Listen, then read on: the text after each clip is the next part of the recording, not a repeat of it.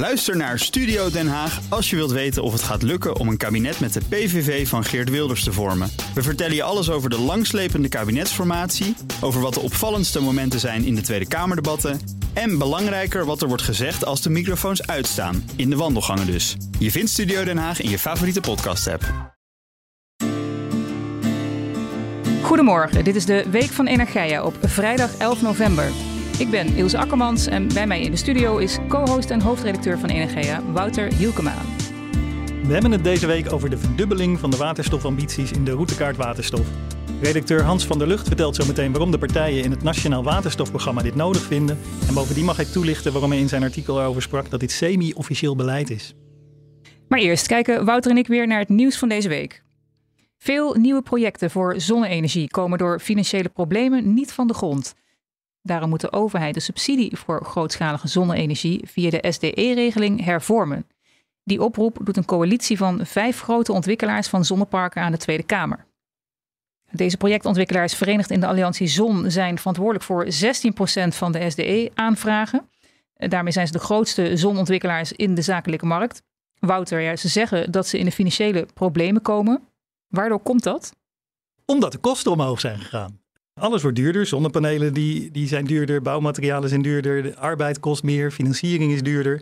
Maar de subsidie die die uh, zonneparkontwikkelaars toegezegd hebben gekregen, dat is een aantal jaren terug gebeurd toen ze hun plannen indienden. En dat is ja, toch op basis van, van andere kostenprojecties uh, is, dat, is dat gegaan. Mm En die subsidie die gaat nu niet ineens iets omhoog, omdat, omdat de kosten nu, nu veel hoger uitkomen. En daardoor zeggen die zonneparkontwikkelaars van ja, um, we krijgen het niet meer opgeteld bij elkaar.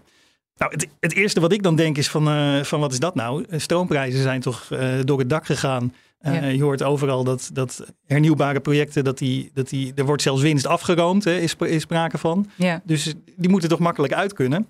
Nou, als je je dat voorlegt, dan, dan krijg je twee antwoorden. Ten eerste is, we hebben het nu over ontwikkelingen van zonneparken over, over hun hele levensduur. En het is natuurlijk maar de vraag of die hoge prijzen nu beklijven. Hè. Die hebben we nu sinds de oorlog in Oekraïne, nou iets daarvoor al wel, hebben we die. Maar over een, over een levensduur van, van, van, weet ik veel, 20 jaar, 25 jaar, uh, kan dat heel, heel anders uitpakken. En ten tweede, het is niet zo dat de zonneparkbouwer altijd uh, profiteert van die hoge prijzen. Hè? Dat is de zonneparkexploitant die, die daarvan profiteert. En dit zijn zonneparkbouwers, dus daar is het ook een verschil. Ja, en, en welke gevolgen heeft het voor de zonprojecten dat ze met hogere kosten kampen? Nou, wat deze projectontwikkelaars zelf zeggen is dat heel veel projecten onder water staan, zoals ze dat noemen. Uh, dat betekent dat ze gewoon niet van de grond komen. Um, dat betreft vooral projecten zon op dak. Die zijn technisch vaak toch net iets uitdagender dan, uh, dan, dan wanneer je een zonnepark in een weiland moet bouwen. Mm -hmm. En zij hebben adviesbureau Berenschot onderzoek laten doen hiernaar. En daaruit blijkt dat de realisatiegraad van, van zonneparken dat die fors daalt. In de eerste zeven maanden van dit jaar was de hoeveelheid gerealiseerde grootschalige zonne-energieprojecten 32% lager dan uh, een jaar geleden. Mm -hmm. Ja, en dat, uh, dat betekent dus gewoon dat er minder, minder zonne, zonneweiden worden gebouwd en, en minder zonprojecten zijn. Ja, en wat willen de projectontwikkelaars nu precies? Ja, ze willen aanpassingen in die subsidieregeling. De beschikkingen die ze, die ze jaren geleden hebben gekregen, daarvan willen ze gewoon een kleine aanpassing. Dat daar een rekening wordt gehouden met het feit dat die kosten nu omhoog zijn. Mm -hmm. Voor lopende SDE projecten, waarvan de inschrijving uh, voor dit jaar uh, afliep op 6 oktober. En ook voor toekomstige rondes willen ze graag dat het Rijk de regeling aanpast en ja, hogere kosten in de berekeningen meeneemt. Want uh, de, de SDE subsidie die een zonneparkontwikkelaar kan krijgen, die worden berekend op basis van, door, worden door TNO berekend van goh, wat, welke kosten komen daar allemaal bij kijken. Ja. En die berekeningen daarvan zeggen die, die, uh, deze bedrijven, deze alliantie, ja, dat die met achterhaalde gegevens werken. En dat, daar, dat er gewoon een aanpassing voor de huidige werkelijke kosten moet komen. Ja. Voor de vulling van gasopslag Bergermeer hoeft de Nederlandse staat geen subsidie uit te keren. De staat verdient zelfs minimaal 150 miljoen euro aan het opgeslagen gas. Dat becijferde adviesbureau Kios Energy Analytics. We gaan het zo hebben over hoe dat komt. Uh, Wouter, kun je eerst vertellen hoe het ook alweer zat met het vullen van gasopslag Bergermeer? Ja, in het voorjaar, toen duidelijk werd dat Rusland gas als wapen ging inzetten, toen uh, is, is uh, vanuit de Europese Unie kwam eigenlijk al heel snel de eis dat de lidstaten hun gasbergingen voor de komende winter gemiddeld 80% gevuld moeten hebben. Mm -hmm. Voor Nederland is toen berekend van wat betekent dat voor de gasopslag Bergenmeer. Bergenmeer is een, de grootste gasopslag van heel Europa, dus dat is echt wel een significante gasopslag. Mm -hmm. En om in, voor Nederland als totaal op 80% uit te komen, moest Bergenmeer minimaal 68% uh, gevuld worden. Ja. En omdat, nou daar komen we straks op uh, hoe, hoe dat financieel zat, maar daar was subsidie voor nodig om, dat, om bedrijven daarvoor te interesseren. En daarnaast had, uh, heeft Jette toen gezegd van uh, op het moment dat die subsidie onvoldoende animo blijkt, dan gaan we het staatsbedrijf EBN opdracht geven om het resterende hoeveelheid gas die nodig is te injecteren in die gasberging. Ja. Die 68%, die werd, uh, die 68% benodigde vulling, die werd uh, door de Tweede Kamer als te weinig beoordeeld. Uh, en die zei, de communisten maakt daar gewoon 90% van. En daar heeft het kabinet zich in augustus achter geschaard. Dus het doel was 90% vulling van de Bergenmeer. Ja, en, en het kabinet dacht dat voor die vulling subsidie nodig was. Ja, inderdaad. Het was op dat moment zo, in het voorjaar toen dit besloten werd, was het zo dat vullen in de zomer duurder was dan uh, het verkopen van het gas in de winter. Terwijl dat normaal het, het, verdienmodel is voor, voor gasopslagen. In de zomer sla je goedkoop gas op. Ja. En in de winter verkoop je het duur. Nou, dat was op dat moment door de oorlog en, en alle andere dingen, was dat, uh, lagen die spreads, zoals dat heet, lagen die heel anders. En toen heeft uh, Jette dus subsidie in het vooruitzicht geteld om te zorgen dat het voor bedrijven interessant was om die vulling te gaan doen. Mm -hmm. Nou, dat heeft gewerkt. Bergenmeer is voor meer dan 90% gevuld. Op dit moment nog steeds uh, goed gevuld. En dat is wel heel erg interessant. Uh, Kios Energy Analytics is eens gaan kijken van nou, hoe, hoe zijn die spreads, hoe hebben die zich gedurende die veelperiode nou ontwikkeld? En die ja. kwamen erachter dat eigenlijk, ja, het was op, in het voorjaar was het inderdaad zo dat het vullen duurder was dan, uh, dan, het, dan het legen. Mm -hmm. Maar dat is maar een hele korte periode is dat daadwerkelijk aan de gang geweest. En zeker na half augustus of iets dergelijks, uh, is die spread weer positief geworden. Mm -hmm. En was het uh, lucratief om ja. die gasberging te vullen. Zo Staat, lucratief staat. zelfs, Ja. dat, dat die subsidie, er was in totaal meer dan 800 miljoen subsidie beschikbaar gesteld. 833 miljoen subsidie beschikbaar gesteld. Die is helemaal nergens voor nodig geweest. Omdat over de hele vulperiode het gewoon lucratief is gebleken om die gasberging te vullen. Ja. Nou ja, de staat heeft dus juist geld verdiend met de gasopslag. Ja, inderdaad. Kios heeft dat, heeft helemaal nagerekend. En voor die, voor die bedrijven die het gevuld hebben, die uh, hebben daar op een of andere manier geld aan verdiend. Nou, dat komt verder niet de staat ten goede. Dat is gewoon leuk voor die bedrijven. Hartstikke mooi dat ze voor onze leveringszekerheid uh, die berging hebben gevuld. En hartstikke mooi dat ze daar zelf nog een beetje winst op maken. Maar zoals ik al zei, EBN, uh, het staatsbedrijf, heeft het restant gevuld. Hè. Alles wat niet door de bedrijven al automatisch gevuld werd, is door, is door EBN nog verder gevuld. Ja. En de, de winst die daarop is gemaakt, die wordt gewoon aan de staat uitgekeerd als dividend. Nou, Mhm. Kios heeft daar uh, op, op hele conservatieve manier nog even een schatting van gemaakt. Van hoeveel bedraagt het dan ongeveer? Nou, die komen in hun sommetjes uit op 150, 150 miljoen, wat, uh, wat de staatskas in, invloeit. Ik heb dit, uh, dit sommetje niet bevestigd gekregen bij EBN, maar ik kan er wel van uitgaan dat het, dat het een, een voorzichtige schatting is. Waarschijnlijk is het wel, is de, liggen de winsten hoger. Er was nog meer nieuws. Energieleveranciers krijgen voorlopig het verschil vergoed tussen het tarief dat de consument betaalt voor energie en de prijs van het prijsplafond. Dat schrijft minister Rob Jetten in een Kamerbrief. De minister zoekt nog naar een manier om vanaf maart de vergoeding te berekenen op basis van gemaakte kosten. Wouter, het kabinet kondigde het prijsplafond aan op Prinsjesdag, net als de vergoeding van twee keer 190 euro in november en december. Maar over de manier waarop de energieleveranciers zouden worden gecompenseerd was nog discussie.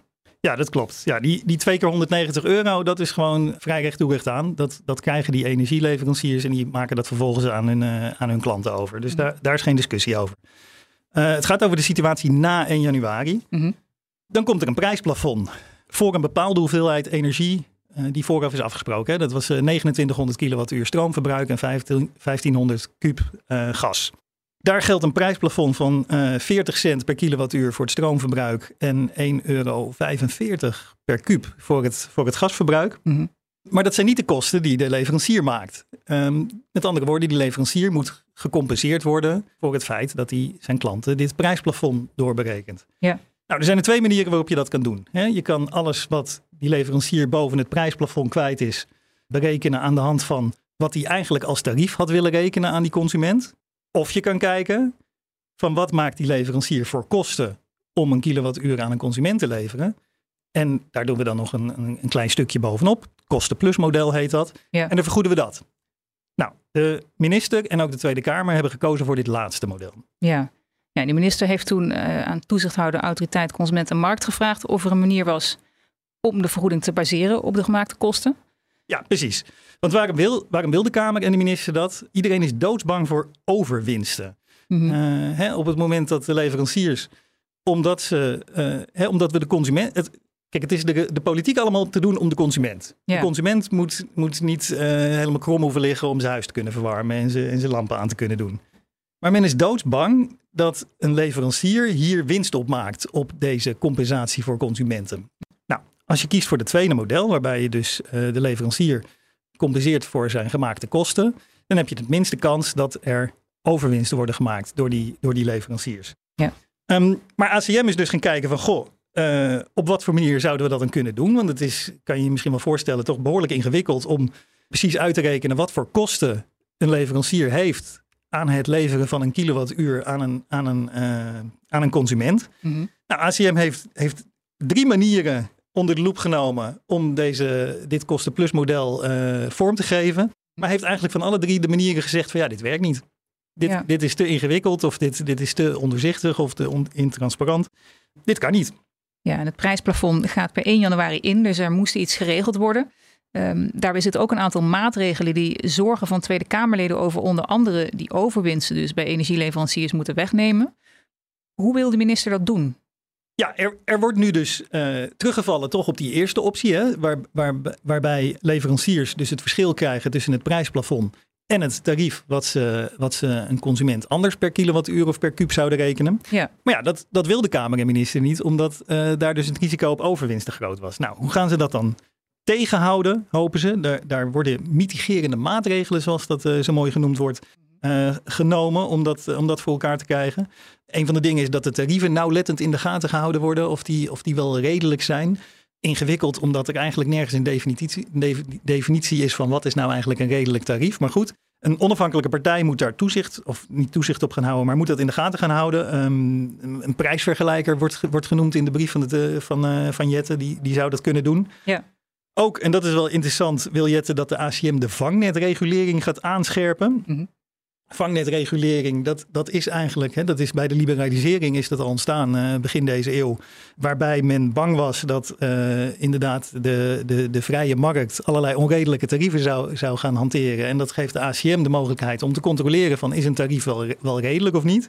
Wel interessant misschien om even te vertellen dat in de, de aanstaande energiewet uh, deze vangnetregulering afgeschaft zou worden omdat uh, uh, ja, Jet eigenlijk van mening was dat het niet meer nodig was. Mm -hmm. Nu klinkt het ineens van dat die vangnetregulering aangescherpt moet gaan worden. Dus het wordt ook nog wel interessant om even te volgen van goh, hoe gaat het dan verder in de energiewet zometeen. En de, de compensatie die de leveranciers nu vanaf 1 januari krijgen op basis van dat verschil tussen prijsplafond en tarief. Gaat later nog gecontroleerd worden door, uh, door accountants. Die gaan boekenonderzoeken doen bij de, bij de energiebedrijven. Om te kijken of er niet toch op een of andere manier overwinsten zijn behaald. En als dat dan uh, aangetoond kan worden, dan moeten die leveranciers dat nog weer terugbetalen. Dus uh, ja, op die manier wordt geprobeerd dat in de hand te houden. Dankjewel voor je toelichting, Wouter. We nemen deze podcast op voor het Kamerdebat over het prijsplafond op donderdag 10 november. En over de laatste ontwikkelingen kun je lezen op energia.nl. In de nieuwe routekaart waterstof zijn de waterstofambities verdubbeld. Over waarom de partijen in het Nationaal Waterstofprogramma deze verdubbeling nodig vinden, praten we deze week verder met redacteur Hans van der Lucht. Welkom Hans. Goedemorgen. Ja, Hans, het Nationaal Waterstofprogramma is ontstaan uit afspraken in het Klimaatakkoord. Misschien is het goed eerst even te vertellen waar dit programma voor staat en wie daarvan de deelnemers zijn. Het is eigenlijk uh, een beetje vergelijkbaar met het Klimaatakkoord. Het zijn alle partijen, industrie, uh, lokale overheden, ministeries, die allemaal bij elkaar zitten, dus privaat en publiek om te praten over de waterstoftransitie. Waar in het klimaatakkoord dus ook al afspraken over gemaakt worden, die nu verder zijn uitgewerkt. Ja, en in de routekaart verdubbelen de partijen nu de ambitie voor waterstofelektrolyse tot 6 à 8 gigawatt vermogen in 2030. Met daarnaast ook genoeg subsidie om dit te kunnen realiseren. In het klimaatakkoord stond nog een, een elektrolysecapaciteit van 3 à 4 gigawatt tegen die tijd. Waarom hebben de partijen de waterstofambities verdubbeld? Blijkbaar uh, zien ze die behoefte. Het is een beetje de heilige graal van, van de hele energietransitie lijkt te zijn. Uh, de samenwerking tussen de ene kant uh, de, de energiebedrijven die hernieuwbare elektriciteit, hernieuwbaar waterstof gaan produceren. Mm. En de grootverbruikers, de industrie, die daar iets mee moet. Ja. Dat moet gelijk opgaan. Uh, niemand gaat windpark op zee bouwen als er geen behoefte is aan elektriciteit. En de industrie gaat niet vergroenen als er geen uh, groene elektriciteit of groene waterstof is waar ze mee aan de slag kunnen. Mm -hmm. Dus dat moet gelijk opgaan. bij het klimaatakkoord dacht men nog 3 à 4 megawatt elektrolyse genoeg zou zijn. nu blijkbaar moet dat 6 à 8 gigawatt zijn. Ja, vanwege de ontwikkelingen de ontwikkelingen die men ziet in de eigen sector, de plannen die men heeft. Uh, blijkbaar beginnen die plannen verder zich te ontwikkelen en uit te kristalliseren. Ja, ja nu, kom, nu komen deze partijen ermee, maar het is niet voor het eerst dat ik dit getal van 8 gigawatt in 2030 hoor. Dat klopt. Uh, dit voorjaar in april kwamen uh, coalitiepartijen D66 en VVD, de Kamerleden Silvio Erkens en Raoul Bouke, al met hetzelfde plan, 6 tot 8 gigawatt elektrolyse in 2030. Ja, het kwam net al even langs. De ontwikkeling van capaciteit voor waterstofelektrolyse moet volgens het Nationaal Waterstofprogramma samengaan met de ontwikkeling van wind op zee.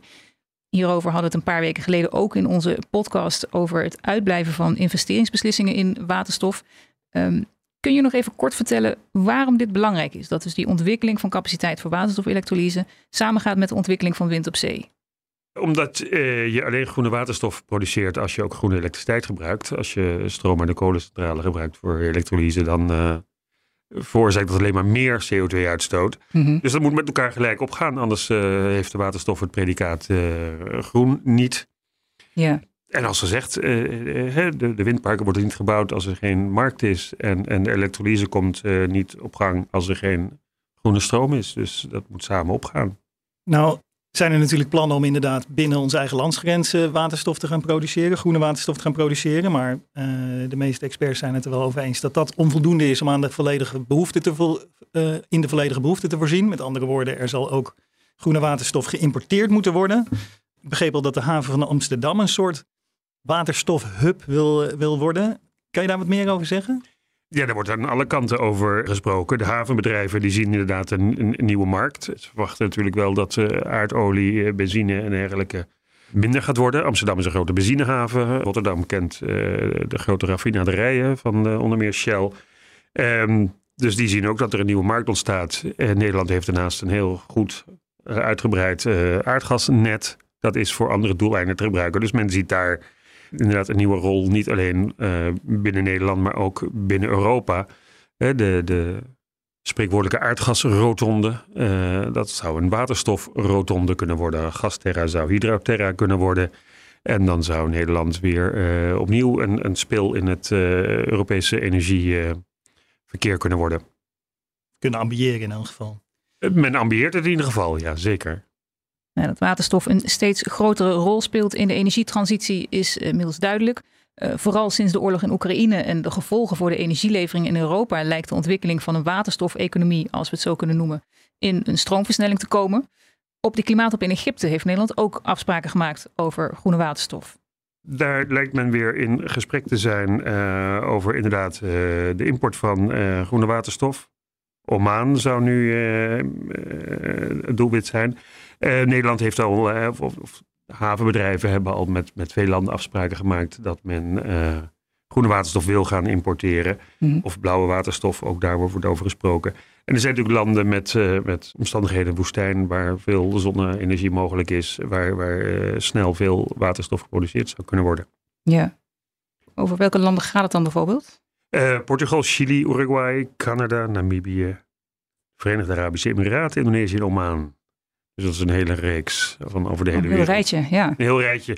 Ja, het, er worden afspraken gemaakt, er worden de uh, intentieovereenkomsten gesloten. Wat er allemaal van gerealiseerd gaat worden, is nog weer een tweede natuurlijk. En nu hè, toen we dit gesprek begonnen, toen vertelde je welke partijen achter dit programma staan. Is dit nu definitief beleid of zo? Of hoe, hoe, moet ik dit nu eigenlijk zien? Dat is het, het, het, het, uh, bijzondere van, dit, van deze routekaart. We kennen de routekaart voor wind op zee, routekaart 2023, routekaart 2030. Dat waren routekaarten die het ministerie van Economische Zaken aan de Tweede Kamer stuurde van dit is het beleid dat we willen gaan uitvoeren. Nu is het juist een routekaart die opgesteld is door een publiek-private samenwerking. En aangeboden is aan minister Jetten. En uh, de publiek-private samenwerking, daar zat zijn eigen ministerie ook in. Dat was een stuurgroep uh, met drie, drie deelnemers. Dat waren vertegenwoordigers van de ministerie van, ministeries van Infrastructuur en Waterstaat, Economische Zaken en Klimaat en van Binnenlandse Zaken. Die nadrukkelijk de positie hadden en de opdracht hadden om het programma te sturen. Dus het, zijn, het is het eigen ministerie van minister Jetten wat hier aan de knoppen heeft gezeten. Het wordt aangeboden aan minister Jette vorige week bij uh, de dag van het klimaatakkoord. Ja, dus de Tweede Kamer zou zich nu kunnen afvragen: is dit een idee of is dit uh, beleid? Uh, aan de Tweede Kamer is het nog niet gestuurd. Dus daar is het waarschijnlijk wachten op. Misschien dat Jette zelf nog iets wil aanpassen. Dat gaan we nog zien dus. Dat gaan we zeker nog zien. Het is, het is afwachten wat er gebeurt met deze routekaart. Dankjewel, Hans van der Lucht. Dit was de Week van Energia met de laatste ontwikkelingen in de Nederlandse energiesector. Op energia.nl lees je meer. We zijn benieuwd waarover je in deze podcast meer wilt horen. Laat het ons weten via podcast.energia.nl. Fijn dat je luisterde, een fijne dag en tot over een week.